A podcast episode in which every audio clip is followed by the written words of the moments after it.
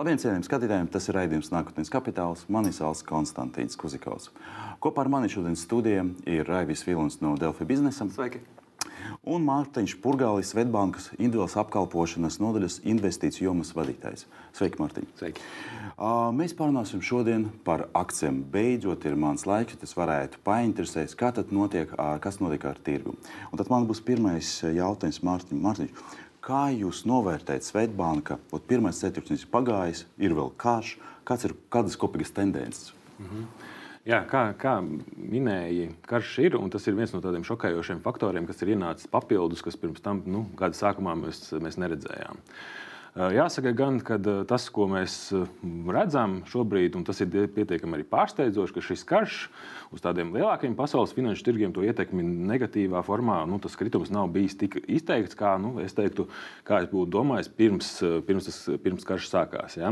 Tas ir viens no tādiem unikāliem brīžiem un unikāliem secinājumiem, ka kara ietekme uz finanšu tirgiem nav tik liela, kā sākotnēji varētu būt bijis domāts. Ja? Uh, Viens ir tas, ka eh, pēc būtības nu, ir sankcijas, tas ir tas negatīvais efekts, kuru mēs eh, noteikti redzēsim. Eh, tas vēl nav aprēķināts, un tās konkrētās lietas, kurā momentā, kuras nozares būs ļoti ietekmētas, varbūt nu, līdz pilnīgai tādai precīzai detaļai nav aprēķināts. Ja? Un arī noskaņojums. Nu, ir, ir ASV tomēr arī lielākais pasaules tirgus. Un, Noteikti tur tā uztvere, ka eh, šīs konflikts ir nedaudz tālāk no viņa paša pasaules, nu, kur viņi dzīvo. Eh, tas arī varbūt eh, nerada tik lielu izteiktu svārstīgumu šajā, šajā tirgu. ASV viss kārtībā, viss paveicam. Nu, kārtībā, nu, kārtībā es neteiktu, bet tas kā, kā notikums ir šokējošs un ļoti nepatīkams. Bet investoru acīs pagaidām cenas dēļ tā nav kritušas nozīmīgi. Bet kā ietekmē centrālas, ASV centrālās bankas mēģinājumi, nevis mēģinājumi, bet reāls reāli gadījumi, kad viņi pacēla to kreditlikmi. Jo es pamanīju, ka vairākas reizes ar manu portfeli bija tā, ka viss kārtībā, viss kārtībā, pēc tam kritums. Atkal lasu par to, ka tikko Amerika paziņoja par likmes pacelšanu, un atkal viņš iet atpakaļ, atpakaļ. atpakaļ. Jā, nu, un, un, un īstenībā šis ir tas galvenais, kas varbūt arī virza tirgus. Likmju izmaiņas un prognozētās likmju izmaiņas ir tas, kas šobrīd nu, nosaka tos vējus finanšu pasaulē un arī ASV tirgu. Uh, Eh, plus eh, vēl ir nācis karš, kas arī nav patīkams efektus iedevis. Kopsakarībās tas, eh, tas ir tas faktors, kad nu, inflācija jāapkaro. Un ap, mm. apkarošana notiktos ar likmi paaugstināšanu, ko centrālās bankas arī paziņojuši ceļš ASV. Viņas pašlaik ir arī paziņojušas, ka viņas to izdarīs ātrāk. Un tas ir tas pirmais, varbūt arī šoka elements, kad nu, šobrīd mēs runājam par to, ka viņi pa, pa, palielināt likmes varētu būt spējīgi un ieinteresēti nu, ātrāk nekā pirms tam teikuši. Tas ir to radījis to pirmo eh, kritumu eh, līdz brīdim, kad eh, tāpatās mēs redzam, nu, ir. Ir jānošķir tās inflācijas, kādas mums ir, un to ekonomisko bremzēšanos, kā rezultātā varbūt tā inflācija šobrīd nu, radās. Jo Tas nav tā, ka mūsu uzņēmums strādā, strādā trijās maiņās un nespēja nodrošināt eh, pieprasījumu. Tā viena pirmā problēma, kas radās, bija tas, ka vienkārši Covid ietekmēja un vienkārši rūpnīcas bija apstājušās un eh, nebija saražojušas pietiekamus krājumus. Tajā pašā laikā atvērās ekonomikas un, un vienkārši bija disbalans starp piedāvājumu un pieprasījumu. Nu, lūk, Tas bija viens efekts, kāpēc inflācija radās.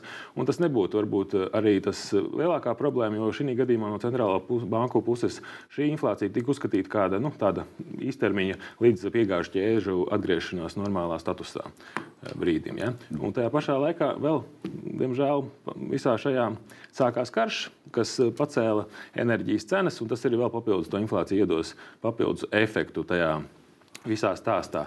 Un uh, zem vēl visa šī ir tātad ASV. Tomēr ņemam, ka ekonomika attīstās pietiekami strauji. Tur, tur ir, ir likmes paaugstināšanas nepieciešamība, jo mēs redzam, ka mm. gan darba spēks ir uh, diezgan liels uh, deficīts, gan arī izaugsme tur notiekās. Nu, tu, kopumā tas ir slikts signāls tirgumam, kad nu, tā, likmes ceļi no labās ziņas, tad, tad kad ekonomika izaug un viņi būtu jābremzē, bet sliktā ziņa ir tādā eh, kontekstā, ka eh, nu, tas tomēr palielinās parādu apkalpošanu un tomēr uzņēmumiem un arī maisaimniecībām līdzekļu paliks mazāk. Nu, lūk, eh, Bet stimuli bijuši daudz, acīm redzot, nauda tirgu ir pietiekama. Tas arī rada pieprasījumu, un mēs redzam, ka negatīvas ziņas ātri, ātri varbūt aiziet, un, un tirgi atgriežas normālos, nu, teiksim, tā zaļajā. zaļajā Bet kā jums liekas, jo uh, pirms, uh, pirms uh, vispār, nu, pagājušā gada beigās parādījās pirmo reizi amerikāņu starp amerikāņu banķieriem tāda frāze, ka stagflācija. Jā. Jo stagflācija, ko tas nozīmē? Tas nozīmē, ka šajā gadījumā energoresursi aug, un tāpēc produkcija kļūst dārgāka un šāda veida ir inflācija, bet vienlaicīgi uh, neaug kopumā pārdošanas apjomi. Un, un ekonomika neaug. Un tas bija mums pagājušā gada, pagājušā gadsimta uh, 70. gados, tieši Amerikā, tad, kad bija pirmā tā saucamā naftas krīze, kad, kad, kad uh, naftas piegādātāji mēģināja ierobežot naftas ražošanas apjomu, lai, lai paceltu tas cenas. It kā tagad mēs varētu būt līdzīga situācija. Tāpēc nu, mēs arī redzējām, mēs redzējām, ka uh, cena uz benzīnu šeit Rīgā, un ne tikai Rīga, bet vispār uh, Eiropa pacēlās, bet tikai īstermiņā. Un, un, un uh, tagad bieži tiek runāts par to, ka Eiropas Savienības valsts mēģina ierobežot uh, naftu, naftu iegādi no uh, Krievijas, ka viena no mūsu galvenākajiem piegādātājiem. Vai tas neietekmēs, vai mēs uz mums, un vai mēs nekļūsim drusku stagflācijā? Un tad otrs jautājums, vai tas vispār skar kaut kādā veidā Ameriku un Nasdāgu, un vai tas vispār ietekmēs uz tām saucamām uh, blūčīpiem? Tas, ka cenas ir pieaugušas, un viņas ir pieaugušas nu, šādu mākslīgu varbūt, nu, konfliktu rezultātā, tas ir fakts, un mēs tur īstenībā neko nevaram izmainīt. Uh, tur mēs piedzīvosim cenu kāpumu, un varbūt ekonomikas aktivitāte nebūs nu, līdzvērtīga eh, dēļ tā, ka nu, vienkārši pieprasījums to nu, nu, cilvēku vēlmu vairāk tērēt, to, to radīs. Eh, tas būtu jāpieņem. Nu, nedrīkstētu varbūt pieļaut to, ka tas būtu ilgtermiņā, un, un, un ja mēs redzam, ka tā ekonomika neattīstās. Jo nu, viens, ir, viens ir pati par sevi cenu līmenis paaugstināsies, bet eh, jācenšas eh, arī ierobežot pēc tam nākotnē, lai nu, nākamajā gadā viņš nepaukstinās. Tā būtu viena no tādām galvenajām uzdevumiem. Plus, eh, ir nedrīkstētu pieļaut nekontrolētu gan to inflāciju, gan arī vispār notikumus ekonomikā. Tas ir centrālo banku un, un, un valdību uzdevums. Tas ir viens no pamatu uzdevumiem. Ka, kas būtu galvenais jādara? Ja? Tas, ka mēs droši vien redzēsim cenu pieaugumu ar mazāku ekonomisku aktivitāti, tas, es domāju, ir pietiekami skaidrs. Nu, lūk, un otrs jautājums par ASV ietekmi tiešām mērā mēs varbūt tur tieši. Uh, mēs nevaram savilkt to loģiku, bet uh, nu, pasaule ļoti saistīta, ekonomika ļoti Jā. saistīta. Tāpat arī, arī degvielas cenas ASV palielinās, tāpat tas ietekmē arī viņu iedzīvotājus, viņu nu, arī vēlmi vēlēt pa vienu vai otru kandidātu. Nu, tas ir tomēr jāskatās kontekstā. Tad vienmēr būs uh, pasaules globāla, globālā mm. ietekme redzama vairāk vai mazāk, tiešā mērā vai, vai mazāk tiešā.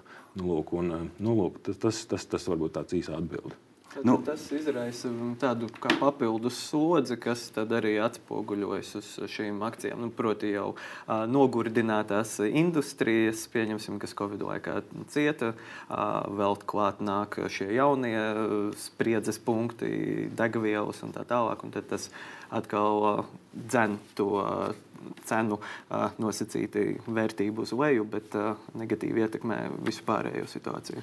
Nu, jā, un plus vēl arī jā, jāvērto, jāvērtē sentiments, nu, cik, cik labi jūtās gan mājsaimniecības, gan uzņēmumi, kuri vēlās investēt, vai sliktos laikos viņi mazāk gribēs investēt. Tas ir tas īstenībā, godīgi sakot, viens no kritiskākajiem punktiem, kas būtu jāskatās, uz kuru pusi šis virzās. Jā. Uz to pusi arī mēs arī redzēsim finanšu tirgos rezultātus. Jo nu, pieprasījums ir spēcīgs. Mēs redzam arī vakardien.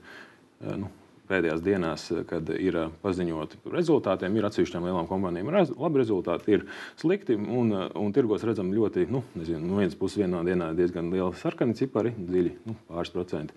Tā pašā laikā nākamajā dienā mēs redzam, ka ir atgriezies atpakaļ un pieprasījums ļoti spēcīgs. Un, un, Vai tas nav saistīts ar to, ka īstenībā pēdējā laikā tas, tas Covid faktiski ne tikai uh, Amerika, bet es dzirdu arī drusku Latvija izauga uh, privātu investoru skaits. Jo, jo cilvēki vienkārši sēžot mājās, saprot, ka viņi nekur nevar lidot, ar naudu ko vajag darīt, un tad viņi sāk spēlēties. Ar, ar sākumu tas varbūt bija tā kā spēles, bet pēc tam viņi ieraudzīja, ka divu gadu laikā ļoti labi izauga īpaši tehnogiganti un daudz, un Nasdaq ļoti labi izauga un SP 500. Un tad faktiski tagad viņi, tā, tā nauda turpina, joprojām privāti investori, nevis tādi kā institucionāli, kā, kā, kā bankas, ka viņi turpina būt un viņi vēl neaizgāja, tāpēc ka viņi neiet uz savas ādas, ka uh, viņiem pie, pietrūka līdzekļi, uz to inflācija, un tieši otrādi viņi mēģina kaut ko tagad varbūt izpirkt tikai tad, kad ir, tad ir kritumi. Jo parādīs laika, ka tikai ir kritums, tad jau visu kritumus ir jāizpērk. Kā jūs no savas pieredzes, vai jūs redzat šo te, ka cilvēki joprojām interesējas par investīcijiem, un tā augsta inflācija vai tas karš vēl nesamazināja to, to apjomu ar cilvēku, kas, kas investē, turpina, un, un teiksim, jūsu klientu vidi nav tā, ka cilvēki saka izņemt no savas investīcijas, lai labāk glabātu viņu kešu. Mhm. Uh Ir, ir pilnīgi taisnība, ka pēdējos gados eh, privātie investori skaits ir stipri palielinājies. Tur ir dažādi faktori. Viens arī nu, pieejamība. Mm -hmm. nu, mēs redzam, daudzas dažādas platformas ir radušās, eh, kas padarījuši ļoti vienkāršu ieguldījumu veidu. Nu, vienkārši ieguldīt akcijās vai pasaules, jebkurā. Nu, mēs varam nopirkt jebkuru pasaules akciju pēc būtības ar vienu klikšķi, jebkurā brīdī, nu, kad tirgi vaļā. Uh, tas tas ir, ir, ir tendence, un arī ir pētījumi un, un, un novērojumi, ka privāti investoru skaits ļoti palielinās kopējā darījuma skaitā. Uh, tas nozīmē to, to, ka vienkārši lēmumi, kas tiek pieņemti, viņi pieņem dažādi. Daži, nu, pēc būtības arī palielinās emocionālais eh, varbūt, eh, stāsts, kā tiek pieņemti lēmumi. Institucionālajie varbūt eh, klienti pieņem arī uz lielas analīzes bāzes, bet nu, to spēli padara interesantāku. Tāpēc mēs redzam dažādas visādas nu, rezultātus. Brīžos arī, kad liekas, ka varbūt arī nu, viņi ir nu, neloģiski. Nu, lūk. Eh, ko mēs redzam? Mēs redzam, ka eh, pēdējā nu, 10, 12 gadus mēs dzīvojuši esam augšupejošā ciklā nu, Jā. globāli. Un, eh, un tas viss radījis arī nu, pēc būtības pat paudzes, kas nav redzējuši tādus lielus kritumus un tā tālāk. Un arī stimulu pasauli ir radījuši to, ka līdzekļu apjoms ir ekonomikā diezgan liels un, un investīciju skaits un vispār ieguldījumu kopumā apjoms palielinās. Tas arī rada to augšupejošo tendenci, pieprasījums ir liels un attiecīgi cenas aug. Inflācija, inflācija pēdējos gados arī pastiprinājusi to, ka cilvēki, nu, piemēram, ja ir, ir nu, klients, kuram ir viens vien, vienreizējs darījums, liela Jā. summa, tad nu, es teiktu, diezgan kritiski ir tiešām vērtēt, kur izvietot šos līdzekļus. Viens ir finanšu tirgi, otrs arī nu, tie paši nekustamā īpašuma, savu uzņēmumu, mm. dažādu veidu ieguldījumus var veikt.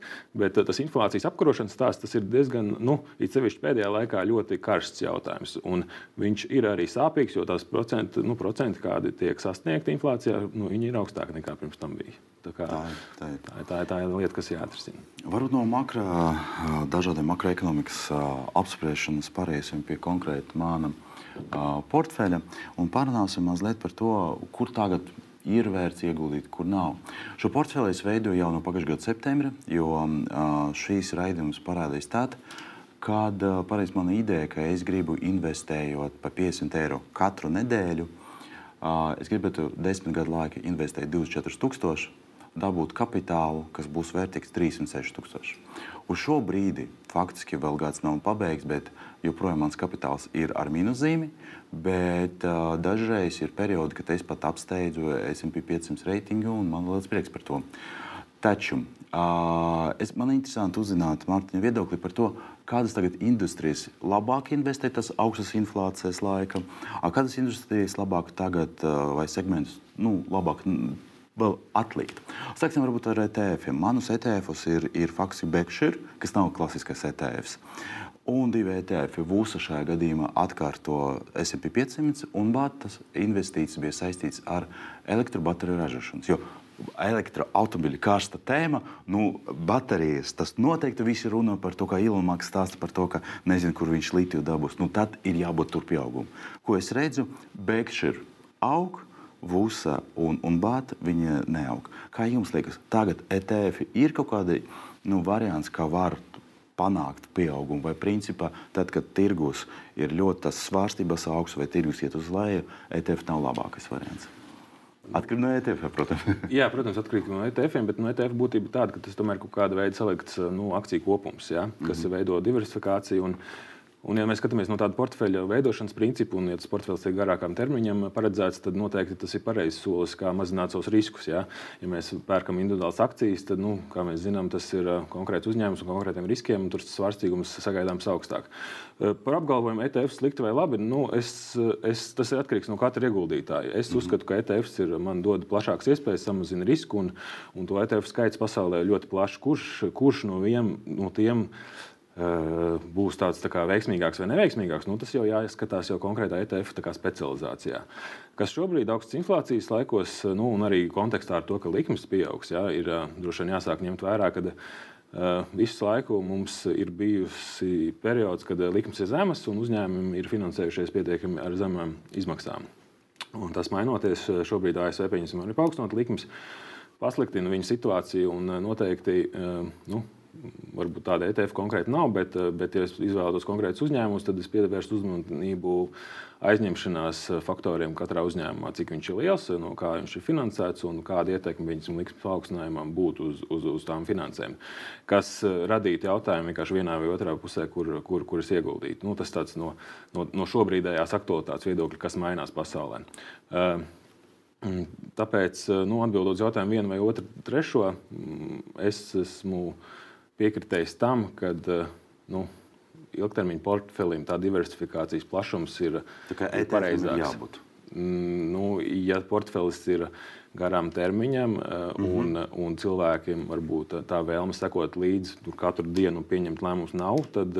Nu, tas, tā, es teiktu, es, teiktu, es esmu pasīvs investors. Es, es, noteikti, es, ļoti, e, e, es saprotu, ka tagad vajag skatīties, kā, kāda veida tiek uh, kreditēta uzņēmuma jo viņu kreditēšanas sloks tagad būs lielāks. Un tāpēc ideāls variants atrast uzņēmumus, kur tas viņi var pacelt cenu. Pārējā inflācija, jo mēs visticamāk par to runāsim ar uh, tiem, kas nodarbojas ar mazumtirdzniecību un ar mm. uh, pārtiku. Vai otrais, ka vajag investēt ideālus uzņēmumus, kur īstenībā viņi var augt, bet viņiem nevajag tik daudz kredīt līdzekļus.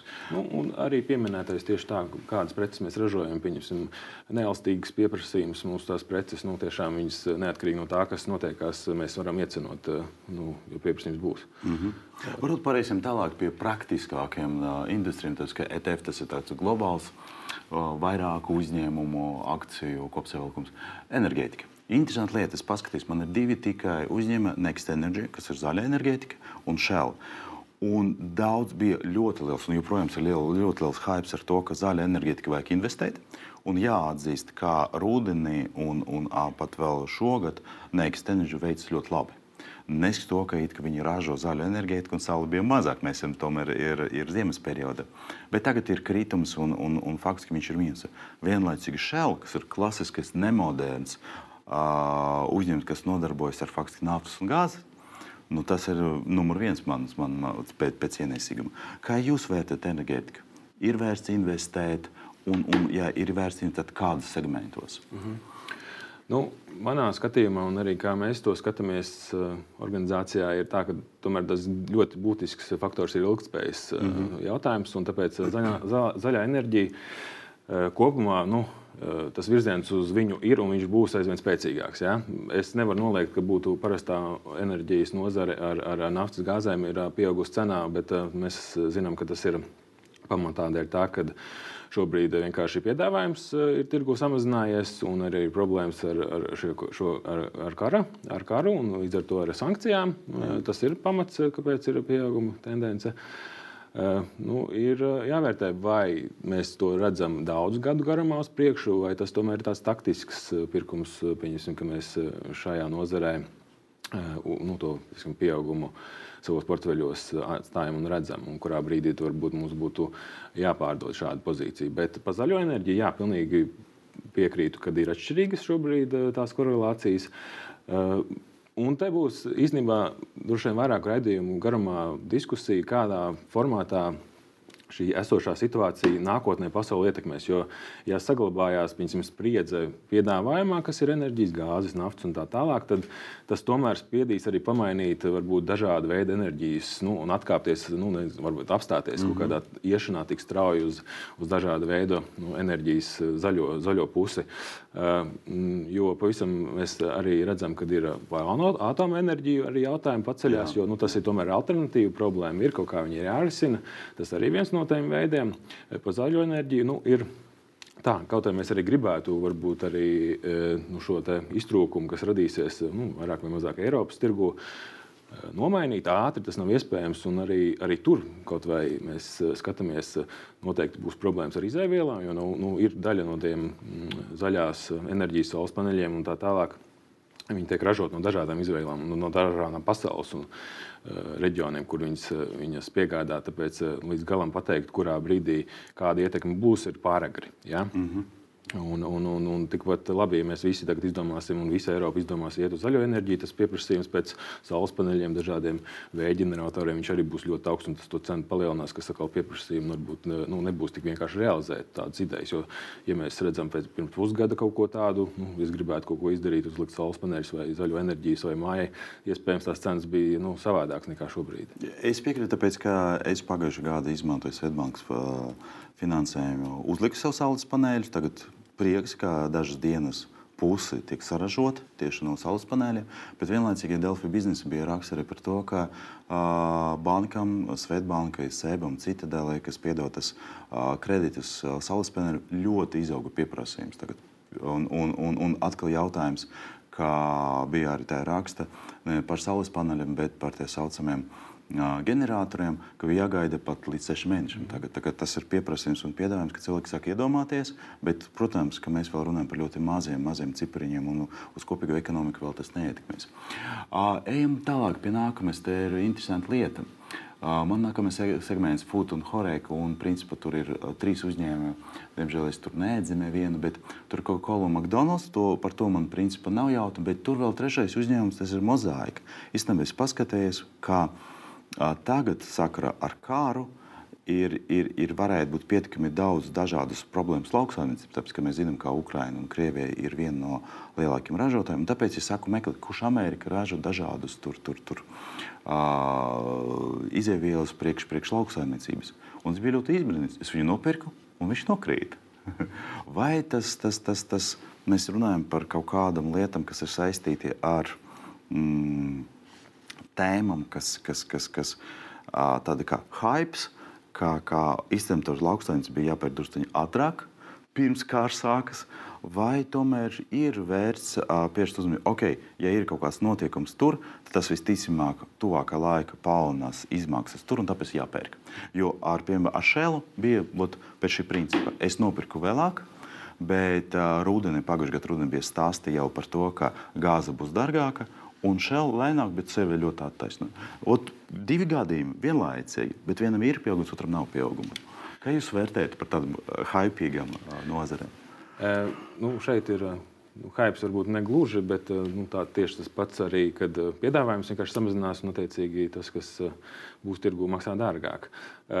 Es pat visticamāk domāju, ka tas laika jautājums, kurā brīdī tiek iegādāts šāds instruments, ir, ir svarīgākais. Mm -hmm brīdī, kad eh, nu, tiek kādi pavērsieni tirgu notiekās un ir jau izsicināms, kā viņš nu, pietiekami loģiski, kur pieprasījums piedāvājums nebūs balansā.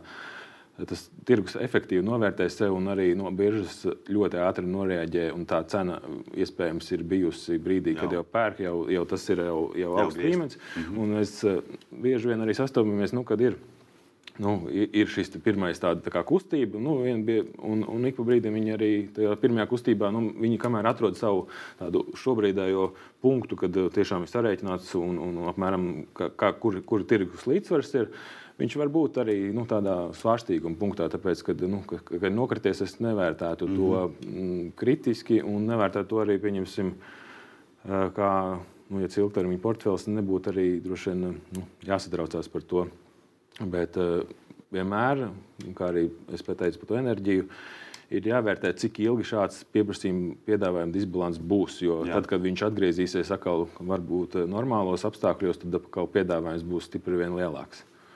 Tā tad, principā, sanāk, nu, tādam parastajam mazajam investoram, kurš arī varbūt nav finanšu eksperts, ķert tās jomas, kuras nu, sāk strauji augt, varbūt pat nav vērts, jo tad jau varbūt pat ir nokavēts. Jo, nu, mēs varam pieņemt, ka vidējam mazajam investoram, tur, nu, tādiem kā mēs ar Konstantīnu, varbūt arī trūkst šo zināšanu un milzīgas bankas vai brokeru kantora analītikas rīki, lai mēs varētu pateikt, vai šī cena un tur būs turpināsies kāpums, vai ir kaut kāds nu, teiksim, mazs spīķis, kurš patiesībā ne, netrāp. Tad sanāk, ka mēģināt lekt tajos vilcienos nu, ne obligāti maziem investoriem ir vērts. Nu, jāpiekrīt tas, ka tā informācija, ka mēs nu, viņu vērtējam, viņa noteikti jau ir nu, kaut kādu nobīdi. Un, un, un, nu, tikpat labi. Baumas jau nokavēts. Uh, ja viņi nu, visi kļūst, jau baumas kļuva par ziņu, tad kāds jau nopelnīja, bet ne mēs jau. ir tā, ka nu, mēs arī varam, tad, kad ir asas kustības tirgos, nu, Kāpēc viņš notiek asi? Tāpēc, ka ir nenoteiktība un nav īsti pat, nu, tā, nu, neviens īsti, nu, ja ir bažas, tad tirgi krīt. Jo pēc būtības nav arī nu, sapratne, līdz kuram brīdim un cik tā problēma liela. Tāpēc arī tad, kad radās sapratne, kaut kāda veida jau viedoklis, tad arī nu, mēs redzam, ka tirgi vienmēr nostājās kaut kādā līdzsvaru punktā. Investoriem, mazajiem, jā, nu, viņiem ir grūtāk gūt tādu plašu analizētu informāciju. Viņi to visticamāk var iegūst un praksē redz nedaudz vēlāk, mm -hmm. un tirgi jau reaģē ātrāk. Bet es negribētu arī nu, piekrist, ka, nu, ja, ja cilvēks katru dienu sēž un skatās un notiek un noķer brīžus, kad ir kāda pavērsiena, viņš ir tādā pašā momentā un tur nav veseli. Mm research uzrakstīt par kaut kādu konkrēto problēmu. Tas, tā, tas arī tā. Tā tad uh, klasiskais padoms investē tajā, ko tu zini. Ja tu katru saprot, dienu inter... saproti, saprot. jā, ko tu saproti, ja tu katru dienu invest, interesējies par uh, naftas tirgu, vienalga vai nu, darba dēļ vai privāti vienkārši interesi, tad uh, var, var mēģināt, var censties saprast. Jo nu, nav jau tā, ka tās zināšanas nāk no kosmosa tikai pie jums, nevis pie mums visiem pārējiem. Mm, precīzi. Un, un tur, tur ir tas stāsts. Viņasim, ja vēl taisītu in, portfeli ar individuālām akcijām, tad nu, tā priekšrocība radās tad, kad ir, ir, ir nu, tā, kvalitatīva, inf, kvalitatīvāka informācija nekā citiem. Ja? Tad var pieņemt nu, veiksmīgākus lēmumus salīdzinot ar pārējiem. Uh, Un, un, ja ir zināms uzņēmums, viņam katru dienu seko, tad tas noteikti tādā garā termiņā un veicot dažādas pirkumus, visticamāk būs ar augstāku precizitāti veiksmīgos darījumos nekā citiem, nedarot tādas analīzes. Jā, bet kā vienlaikus, nu, tad, kad mm, investēt individuāli, atlasīt tās akcijas individuāli, par kuram mums ir zināšanas par to, ko mēs saprotam. Tas ir, viens, nu, tas ir ļoti loģisks padoms. No, no vienas puses. No otras puses, ja mēs paskatīsimies, ka visi zina, ka tehnogiganti aug. Tā bija tendence vairāku gadu garumā. Un, un daži no viņiem jau, uh, kā piemēram Apple, speciāli sadalīja šīs akcijas, lai viņi būtu pie, pieejami. Google plānu sadalīt. Nu, tā. Bet tagad, ja mēs paskatāmies mūsu po, portfeli, tad īstenībā ir kritums abiem trim. Microsoft, kas pagājušajā gadā bija viens no tādiem labākiem uh, pieaugumiem, uh, tam pašam Apple un tam pašam Microsoftam, tam pašam, piedodiet, Google. Interesanti lieta, ka agrāk, vēl tad, kad tirgus gāja augšu, līdz 25% arī veido, nu vēl plus Amazon plus Facebook, viņi arī veido visu kapitalizāciju. Un principā nu, visi zināja, ka būs labi, un visi saprot, ka mēs turpmāk vēl turpināsim viņu izmantot, izmantot, izmantot. Bet tagad augsta inflācija, un viņi visi iet uz leju. tad, tad, No vienas puses, mēs neko nesaprotam nu, tā, globāli par visiem šiem uzņēmumiem, tāpēc mēs neesam tādi profesionāli investori, kā jūs. Bet no otras puses, mēs ļoti labi redzam to kopīgu tendenci un tehnoloģiju iet uz augšu. Kā mums tagad reaģēt uz tām pašām tehnoloģijām? Vai turpināt investēt, tāpēc ka nu, skaidrs, ka mēs tāpat izmantosim? Apple nekļuva sliktāk šogad vai, vai Microsoft vai, vai Google. Tieši otrādi viņi ieviesa, ja, viņi ražo jaunas filmas, ražo jaunas spēles, kā Microsoft, vai vispār ražo jaunu produkciju. Kāds ir jūsu ieteikums? Augstas inflācijas laika runājot par tām tehnoloģijām. Agrāk uz viņu bija ļoti augstas likmes. Tagad, ne, vai tas ir īstais laiks pirkt, vai tas ir īstais laiks pagaidīt? Nu, ir tāds arī diezgan drosmīgi pateikt, ka visi zināja, kā būs. Tā, ten, nu, tā ir tendence, un tas mēs arī šodien nevaram pateikt, kas būs rītdien. Jo nu, apstākļi var mainīties, un arī izjūt no studijas var būt pilnīgi savādāk apstākļi, kā ienākot. Tāpēc par to zināšanu ir nosacīti, mm, nosacīti apgalvot, ka ir zināms viss. Tas tā nav. Mēs redzam, varbūt tiksim, tā, tās tendences, kur nu, arī kāpa giganti, jo nu, arī Covid ietekme viena no lietām, kad tas viss aizgāja uz tehnoloģijām. Šobrīd mēs redzam, no gada sākuma tehnoloģija nozare ir pietiekami kritusi. Arī vienā, viens no argumentiem ir šis te pats, kad mēs viņš ņēmām no Covid. Nu, tā, kad nu, mēs esam mājās, mājās jā, jā, jā, un, un tas, tas ir arī diezgan izskaidrots, diezgan loģiski. Un arī nu, giganti Bet tik, kopumā tehnoloģija nozare ir jāskatās, nu, ja mums ir nu, ETFs, kas iegūta tehnoloģija nozarē. Un, nu, tur ir kāds viens liels uzņēmums, ja mēs redzam, ka viņš atnāk ar ļoti labiem rezultātiem, un mēs esam ETF-os, tad nu, izvēlamies, jā, šeit būs labi rezultāti. Mēs nopērkam arī visus pārējos uzņēmumus, kas ir ar pieprasījumu. Tad arī tāds ir efekts jāņem, un arī otrādi, arī pārdod tajās brīdīs, brīžos, kad mēs saskatām, nu, piemēram, lielajā nozarē kaut kādu veidu kritumus. Kā rīkoties augstas inflācijas apstākļos?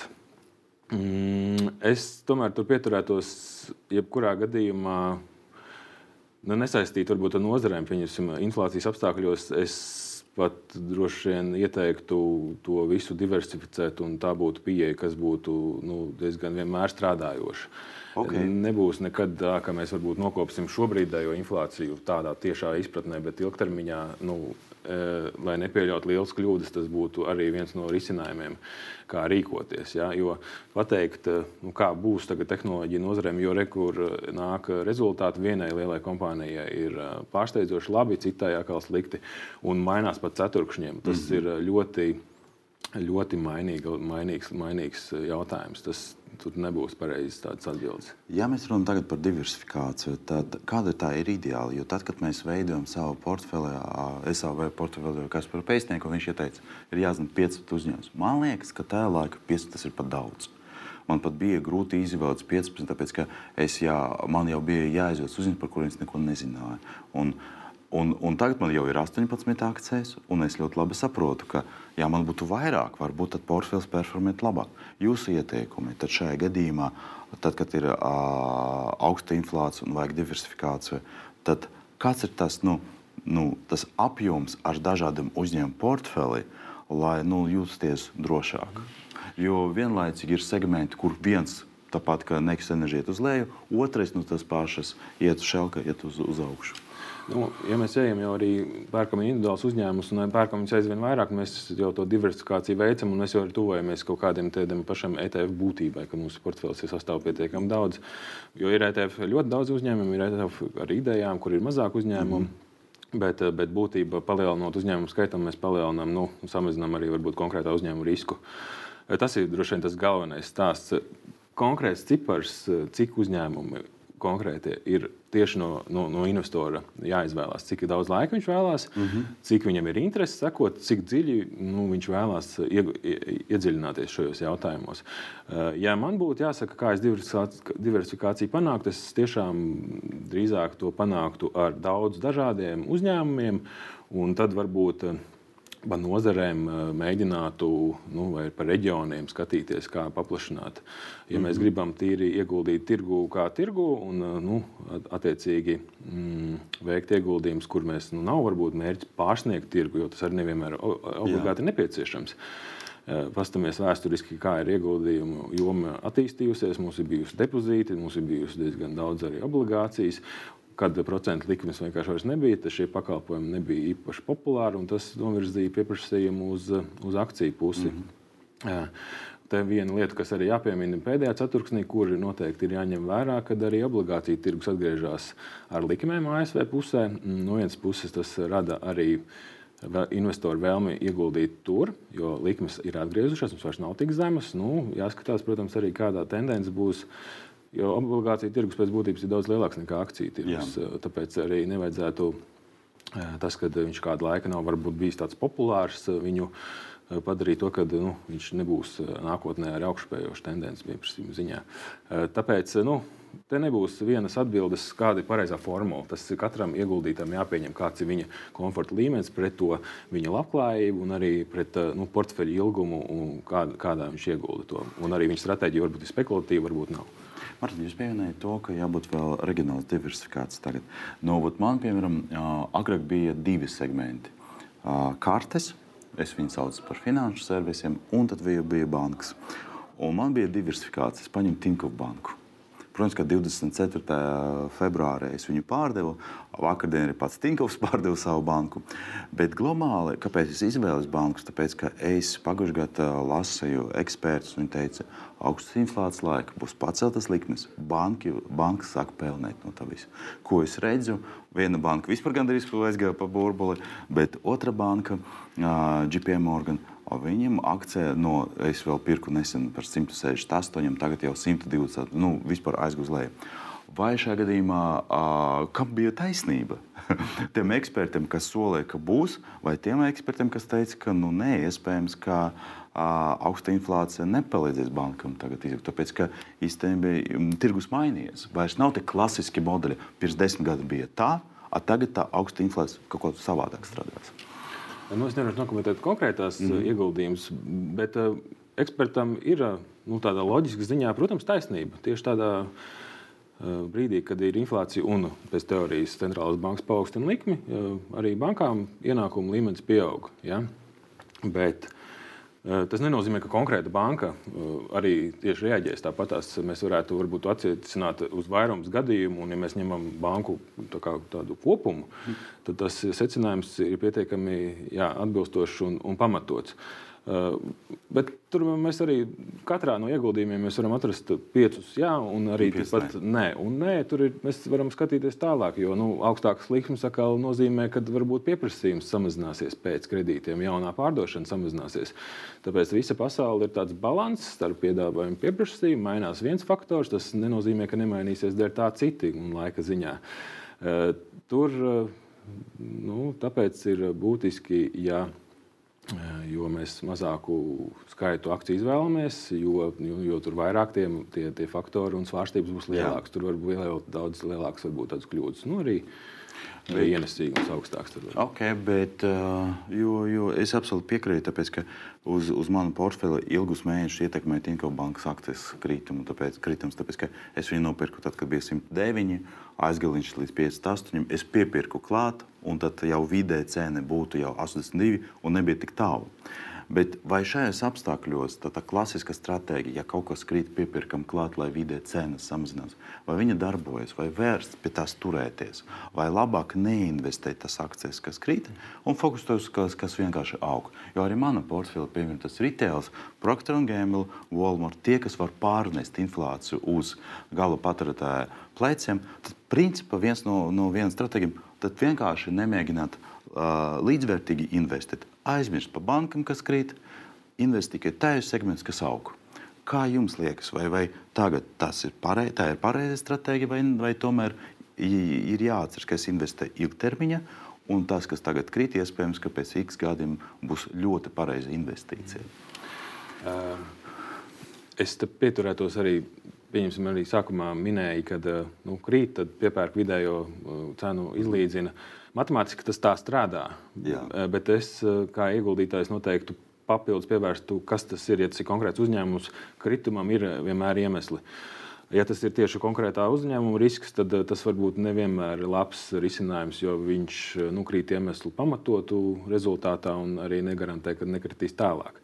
Ja mēs ejam nu, tādā globālā izpratnē, ka mēs redzam, ka tirgi krīt kopumā, ja, Un mēs zinām, ka tomēr garākā termiņā arī visas centrālās bankas un arī valdības nu, mērķis nav tā, ka nu, pasliktināt pasaules iedzīvotāju dzīves līmeni un, un radīt sliktas lietas. Viņi tomēr radīs apstākļus, stimulus un veidus, kā nu, ilgtermiņā to dzīves līmeni un ekonomikas aktivitāti atgriezt. Ja?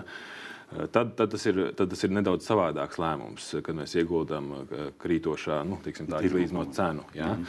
Uh, jo, jo mēs zinām, nu, un te ir tas galvenais vien, faktors ieguldītājiem, ka tas vienmēr jāskatās kontekstā ar savām finansēm, kad viņas būs nepieciešamas. No, nu, okay. tas, tas ir, nu, ja godīgi sakot, tas ir viens no tādiem pamatlietām. Un, ja tas izdarīts ir balansētā veidā un tādā nu, pareizā apjomā, ka tas tiešām ir, ir līdzekļi vēl citur, ja kaut kādiem mm -hmm. mērķiem, tad, nu, tad, tad, tad vienmēr rodas tālāk iespēja izvēlēties, ko darīt un pagarināt to termiņu ieguldījumiem, jo nu, statistika pagaidām nav mainīsies pasaulē ieguldījumi ilgtermiņā ar to, ka arī naudas apjoms palielinās. Nu, viņi to efektu ilgtermiņā jā, viņi nosedz. Jūs pieminat vienu interesantu faktu, ka jāsaprot, kāpēc ir tas kritums.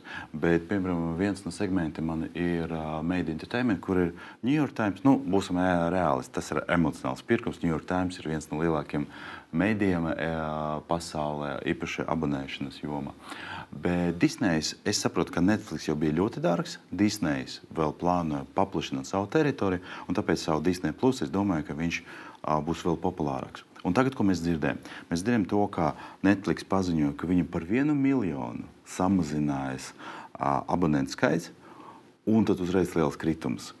Bet, ja mēs paskatāmies to kopīgo viņu biznesu, no 221 miljoniem šeit būs 220. Tas ir milzīgs, joprojām ir, ir, ir apjoms. Un tam pašam Netflixam joprojām viņu budžeti, ko viņš tērē uz filmām, faktiski ir lielāki nekā aiz viņa stāvošam piecam kompānijām. Ot, šajā gadījumā it kā nu, kritums ir skaidrs, viņa drusku samazinās, un ir pamatojums, bet viņš ir tik niecīgs. Viņš nav proporcionāli tam akciju vērtību kritumu. Kā tad man šajā gadījumā reaģēt? Ot, man tas jāsaka, ok, Netflix kļuva leteks, ir jāskrien pirkt. Vai tieši otrādi, varbūt viņš nokritīs vēl zemāk. Un, un jūs ļoti labi arī pateicāt, mēs ejam prom no Covid, mēs tiekamies arī tas viens no pirmajiem raidījumiem, kur mēs tiekamies ar mūsu ekspertiem klātienē. Un tas nozīmē, ka ne tikai tehnoloģija, arī Netflix pamazam, pamazam aizies uz leju. Kā man būtu pareizi reaģēt uz to ziņu, ka Netflix nokrīt? Nu, tas lēmums jāpieņem pašam. Ja? Tas cik, cik, cik, ir, cik ir arī ticība uzņēmumā. Tas, kas ir noticis, vienkārši ir ir, ir, ir akcionāri un ir pieprasījums, un attiecīgi tie, kas grib pirkt, viņi ir gatavi pirkt par zemāku cenu. Tas ir tas, ko, ko, ko mēs redzam biržā. Mm. Uh, liels mazs kritums, uh, bieži vien ir dažādi pārsteigumi. Nevajadzētu arī likt vienādā nu, mazs, uh, liels, dar, varbūt pilnīgi arī savādāks. Tas, tā reakcija, tikpat labi mēs redzam arī, kad ir rezultāti kompānijām, kas ir pat pārsteidzoši, bet tāpat tās kaut kāda iemesla dēļ, tas, nu, arī citu varbūt faktoru dēļ citu kompāniju rezultātu dēļ mēs, mēs neredzam to rezultātu, ko mēs gribam saskatīt. Jā. Es nevarēšu iedot recepti, ko darīt un kā rīkoties. Ja? Šeit tas ir jāstāsta kontekstā ar to, kā tas portfels tiek būvēts. Nu, tas būtu droši vien, nu, te arī nebūtu pareizs atbildes, jo mēs to nākotnē nevarētu paredzēt, tie vēsturiskie dati.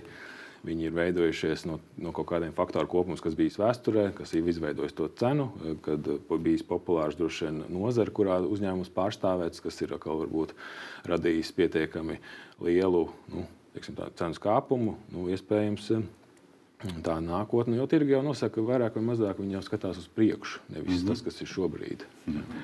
Labi. Um, viens no labākajiem manu portfeļu retail, Procter Gamble, Walmart kā mēs teicām par to, ka augstu inflācijas laikā visi uzņēmumi, kas var pārnest to inflāciju uz gala lietotāju māku, tad viņi faktiski aug. Vai uh, vēl ir kaut kādas industrijas, kuram ir vērsta tagad pievērst uzmanību, izņemot tas, ko es pieminēju, un ir industrijas, kas principā tagad neveicas tik labi? Mm -hmm. nu, es jau sākotnēji pieminēju. Uh, kad eh, jā, jā, jāstāsta uz tiem faktoriem, kas pamaina to visu pasaules varbūt lielo kārtību. Ja bija Covid un tas palielināja šādu veidu tehnoloģiju kompāniju interesi, nu, tad tagad eh, mēs redzam, ka centrālās bankas tomēr palielina to limitu, samazina stimulu apjomu. Tas, nu, es, es tādā kontekstā domātu, eh, kā pieņemt varbūt tālākos tos lēmumus. Uh, portfeļos. Bet uh, mēs varbūt arī bieži vien runājam, ka uh, nu, mēs gribam īstermiņā sagaidīt kaut kādu Jā. veidu pozitīvus. Tas, tas, ir, tas ir diezgan nu, ir, ir spekulatīvs stratēģijas. Ja mēs tā darām, tad būtu tas jā, veids, kā jādomā. Un bieži vien nu, tur ir jārēķinās ar ļoti lielu svārstīgumu. Un, un, un ir portfeļi, kas tiek veidoti ilgtermiņā. Un, un tad šādiem lēmumiem, kas mums notiekās, konkrētajā dienā vai arī konkrētā ceturkšņa rezultātos varbūt tas nozīmīgums nav tik liels. Eh, tas ir eh, dažādiem cilvēkiem, tas, tas lēmumu pieņemšanas process būs dažāds. Tur, tur vienu formulu pateikt ir ļoti grūti.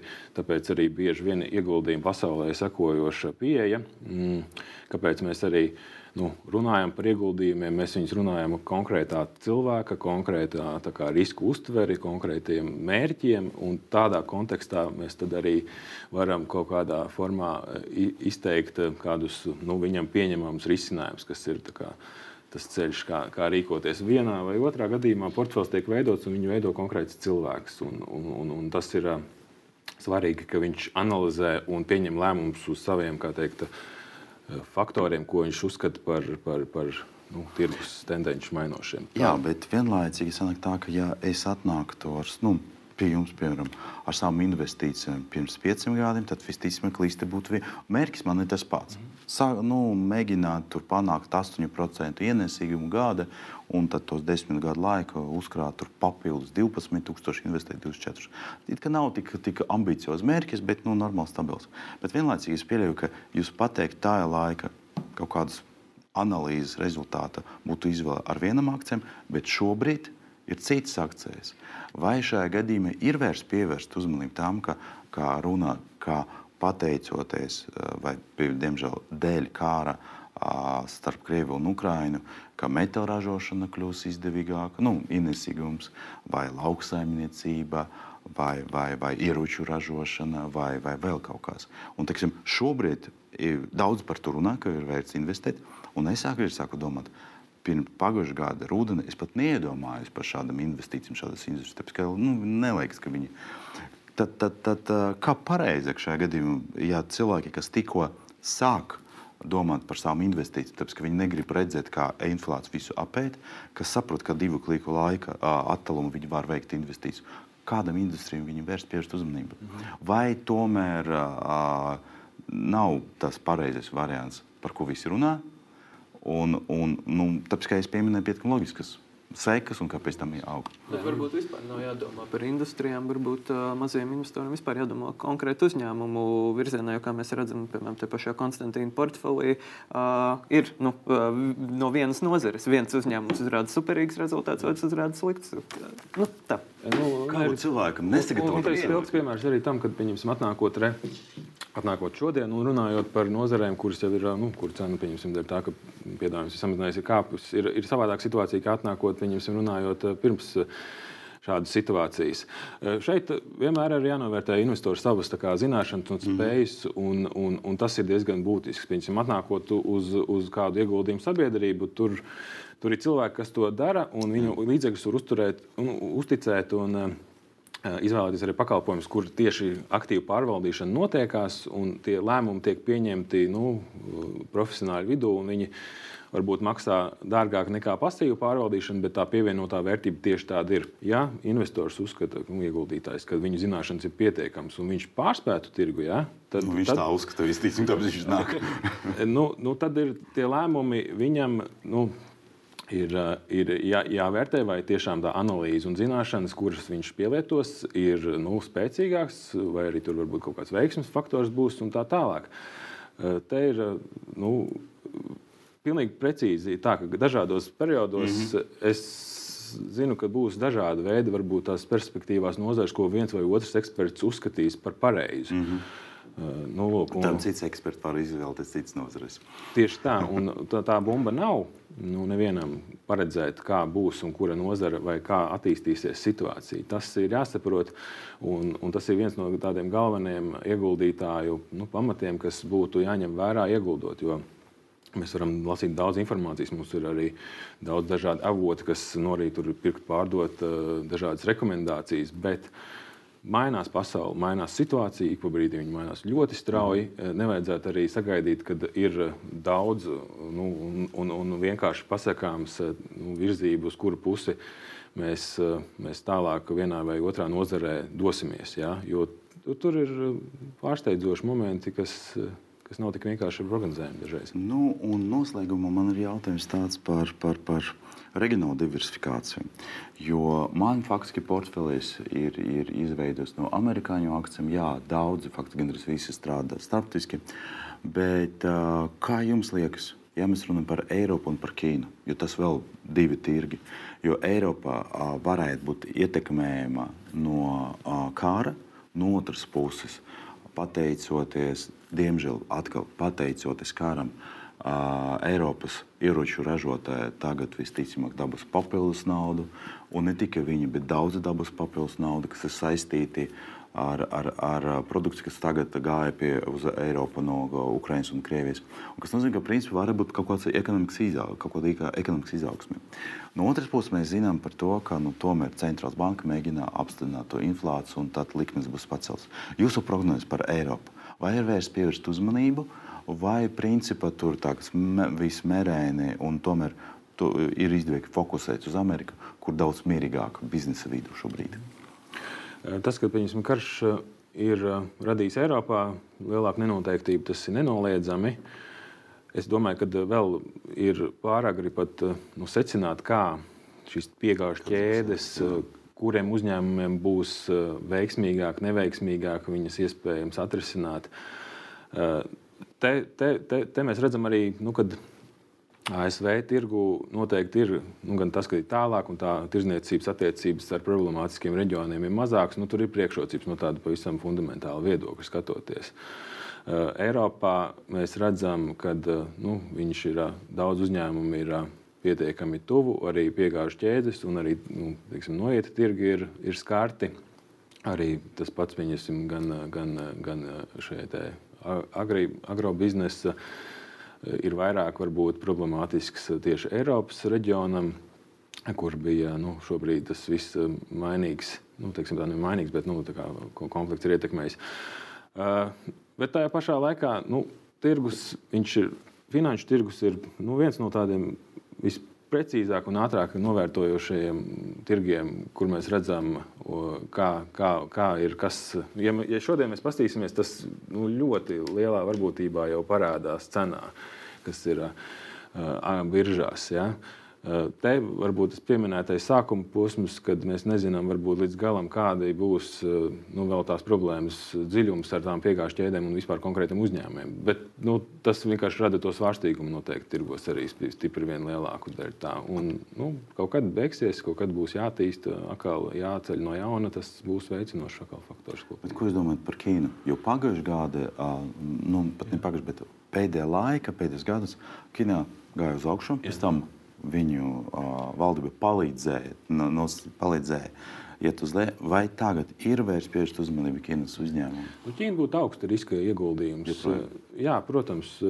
Šī gadījumā varbūt ir tas, ka nu, viņi ir tādā pozīcijā, ka iespējams viņai varbūt būtu izēvielas par zemāku cenu, un pēc tam atkal noiet kanāli un tirzniecības vietas, kur pārdot savus produkciju. Atkal nu, plaša pasaule viņa tādu politisku pozīciju ir ieņēmusi. Bet tajā pašā laikā nu, mēs redzam tos pēdējos notikumus, kad gan lielas kompānijas mēģina sadalīt, gan arī nekustamā īpašuma eh, problēmas nozarē. Tur ir gan arī nu, ar ASV nesenā vēsturē viņiem bija varbūt eh, konflikts situācijas ekonomiskās, ka viņi nevarēja vienoties un strīdējās. Tas rada to, ka eh, cena ir šobrīd kritusies, bet viņa ir arī kritusies pamatā dēļ riska faktoriem. Ja? Uh, būtība, ja, ja tie riski neat, nu, nepalielinās un mēs redzam virzību uz to, ka uh, ir pozitīvas tendences un mums mazinās kaut kādas papildus nenoteiktības, tur ir izaugsmes potenciāls ir saglabājies. Viņš jau mm. nu, jebkurā tirgū tas varētu būt. Vai, vai mēs redzam, nu, tur tāpat ir arī ģeopolitiskais konflikts, kas potenciāli tiek nu, informatīvā telpā ar Taivānu, eh, kad eh, pēc būtības ASV nu, saspīlētas situācijas. Tur ir daudz lietas, kas. Eh, kas Mēs nezinām, kas tas vispār attīstīsies un kādas sankcijas būs pret Ķīnu. Nu, tas ir tas jāpieņem lēmums investoriem. Ja viņi redz vienu scenāriju, tad viņi var izdarīt mm -hmm. vienu izvēli. Ja viņi tomēr saskata kaut kādu veidu papildus riskus, tad viņi noteikti savus secinājumus un, un, un, un, un izvēlēsies otru savādāk varbūt ceļu. Tas, tas ir jautājums, kurš.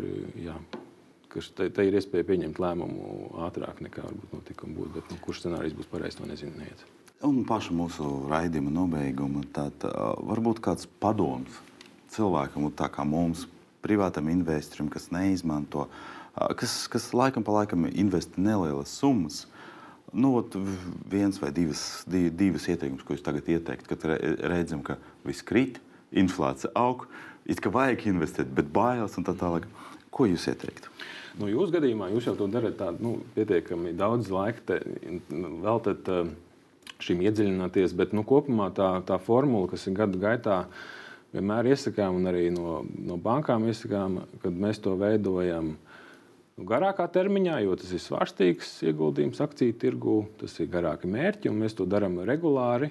Tas ir tāds pamata jautājumi, kuri ir jāņem vērā investoriem, varbūt arī kas, kas skatās, kas arī to uzsāk, ir sevišķi, kas uzsāk. Eh, tas, tas piemēram, ieguldījums stāsts ir regulāri, eh, saprātīgā apjomā un, un, un, un, un atbilstošā termiņā saviem mērķiem. Tas ir tās trīs lietas, kuras vienmēr būs eh, tās, ko mēs teiksim mm -hmm. ieguldītājiem. Regulāri, saprotami un atbilstoši. Nu, ilgtspējīgi. Okay. Nu, paldies. Paldies, uh, skatieties, ka jūs bijāt kopā ar mums. Kopā ar mani šodien studijā bija Raivijas, Vilons un Mārtiņš Purgālis. Tagad tiekamies jau pēc nedēļas, parunāsim vairāk par uh, Baltijas akcijiem un kā šogad veiksies šīm akcijām un vai ir vērts uh, investēt arī šajā segmentā. Paldies un tiekamies jau pēc nedēļas.